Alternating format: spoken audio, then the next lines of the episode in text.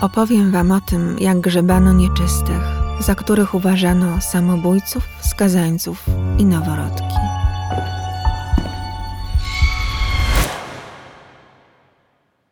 Zapewne słyszeliście o tym, że samobójcom odmawiano pogrzebu na poświęconej ziemi. Podobno do dziś jest problem z katolickim pochówkiem człowieka, który odebrał sobie życie, choć oficjalnie Kościół tego nie zabrania. Policja zna przypadki, gdy rodziny tuszowały samobójstwo, pozorując je na zabójstwo lub nieszczęśliwy wypadek.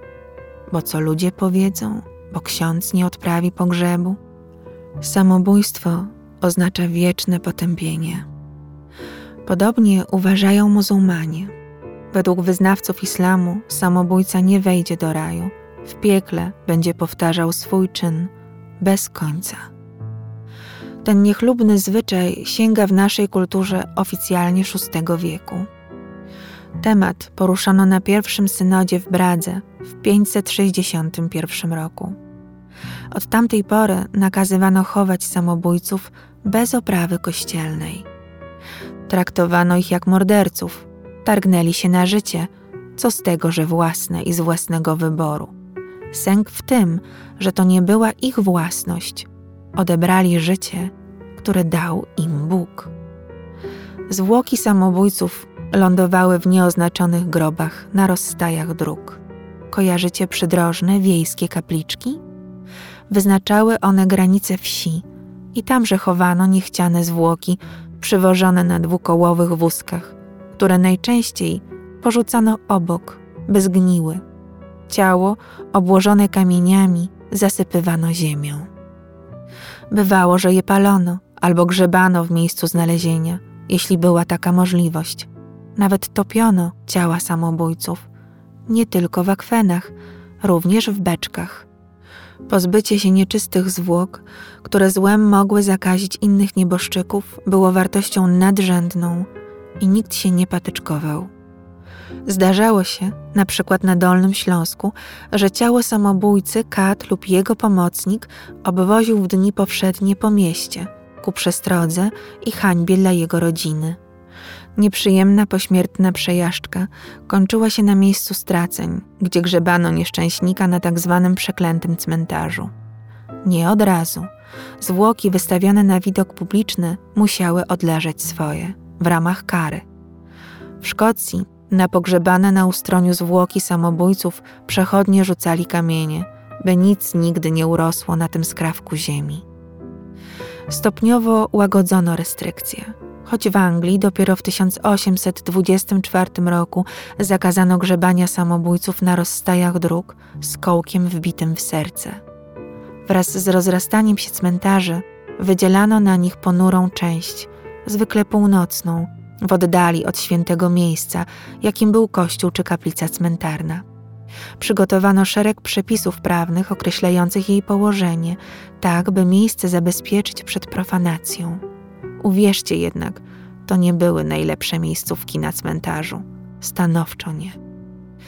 Właśnie tam, najczęściej między godziną dziewiątą wieczorem a północą, dosłownie wyrzucano kłopotliwe zwłoki wspomnianych samobójców, skazańców, ale także wiedźm, pijaków, cudzołożników czy osoby, które w opinii publicznej za rzadko chodziły do kościoła. Społeczności były niezwykle surowe moralnie. Rzecz jasna w teorii i nawet po śmierci wciąż było się winnym. A wszystko to w trosce o spokój innych grzecznych zmarłych. I uwaga, pogrzebu nie mogły oczekiwać kobiety, które zmarły w połogu po urodzeniu dziecka. Dopiero po pierwszym od narodzin potomka wyjściu do kościoła stawały się czyste. A teraz zamknijcie oczy i wyobraźcie sobie, jak wasze zwłoki niesie dwóch grabarzy, niczym worek ziemniaków, pod osłoną nocy, w ciszy. Dochodzą do murów cmentarza od jego północnej strony. Próbują rozhuśtać ciało i w pewnym momencie przerzucają je przez mur. Broń Boże, nie wolno było przenieść takich zwłok przez bramę. Na cmentarzu wrzucają to, co z was zostało, do wykopanej byle jak jamy. Zasypują albo nie zasypują, Bo też po co zasypywać, skoro jutro jest następna egzekucja albo trafi się kolejny samobójca. Niczym takiego miejsca nie oznaczają. I to by było na tyle w temacie waszego pogrzebu. Nie chodzi nawet o spoczywanie we wspólnym grobie, gdyż to była zwykła praktyka wobec zmarłych, których rodzin nie stać było na pokrycie kosztów pogrzebu niemal do końca XVIII wieku. Ofiary zarazy również składano do zbiorowych grobów. Chodzi o pogardzane miejsce spoczynku i okoliczności pochówku. Niezależnie od tego, jaki macie stosunek do obrządków pogrzebowych, było to szalenie tragiczne rozwiązanie dla rodzin nieczystych zmarłych, którzy w ten sposób zostali pokarani po wsze czasy, nie mogąc liczyć na udział w sądzie ostatecznym i podtrzymywanie o nich pamięci. Straconych chowano tam, gdzie samobójców lub obok miejsca stracenia, albo po prostu zostawiano ciała do pełnego rozkładu. W Polsce na przykład archeolodzy znajdowali obok fundamentów szubienic szczątki osób pochowanych twarzą w dół, z rękami związanymi na plecach, czasem jeszcze z łańcuchami egzekucyjnymi. Resztki sznura w przypadku powieszonych oraz niekiedy ich palce lub całe dłonie znikały. Przynosiły szczęście i były cennym, magicznym towarem, którym handlował kat. Kat bowiem był odpowiedzialny za pochówek ludzi, którym w imię prawa odebrał życie. Pochowanie pod szubienicą nie było takie złe. Kat pełnił funkcję lokalnego rakarza i jeśli miał taką fantazję, wrzucał zwłoki do dołów ze zwierzęcą padliną. Był to sposób na dodatkowe poniżenie skazańców. Anonimowy pogrzeb, bez trumny, na niepoświęconej ziemi, to już był przy tym luksus. I nie mówię tu o zamierzchłych średnich wiekach. W kulturalnej Francji, aż do końca wykonywania kary śmierci, do roku 1977, chowano straconych w nieoznaczonych grobach. Podobnie było w Wielkiej Brytanii i innych krajach, również w Polsce. W jedynym europejskim kraju, w którym wykonuje się karę śmierci, czyli na Białorusi, rodzina nie może odebrać zwłok straconego krewnego. Często nawet nie wie, kiedy i gdzie wykonano egzekucję. W Japonii i Stanach Zjednoczonych rodzina może się zgłosić po zwłoki skazanego. Amerykańscy mordercy skazani na karę śmierci często biorą w więzieniu śluby, choćby po to, by po egzekucji ktoś zajął się ich zwłokami w godny sposób. Ale to już zupełnie inna opowieść, którą kiedyś Wam przedstawię.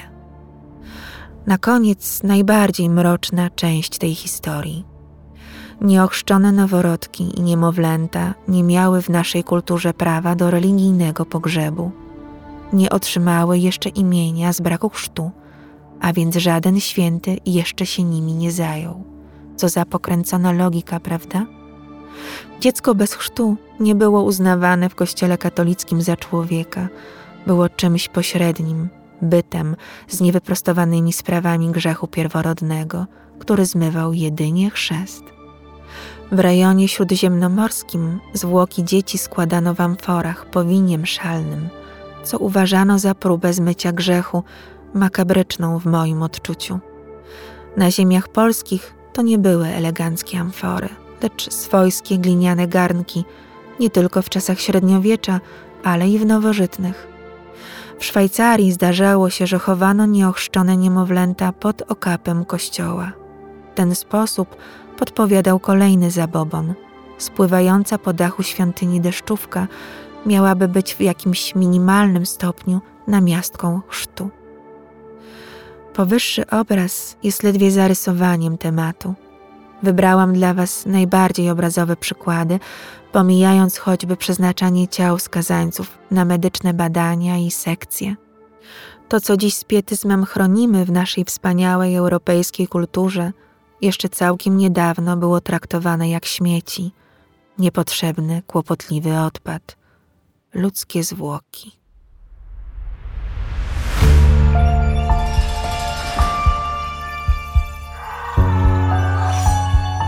Dziękuję za Waszą uwagę i zapraszam do wysłuchania kolejnych opowieści. Świat pełen jest prawdziwej makabry. Renata z worka kości.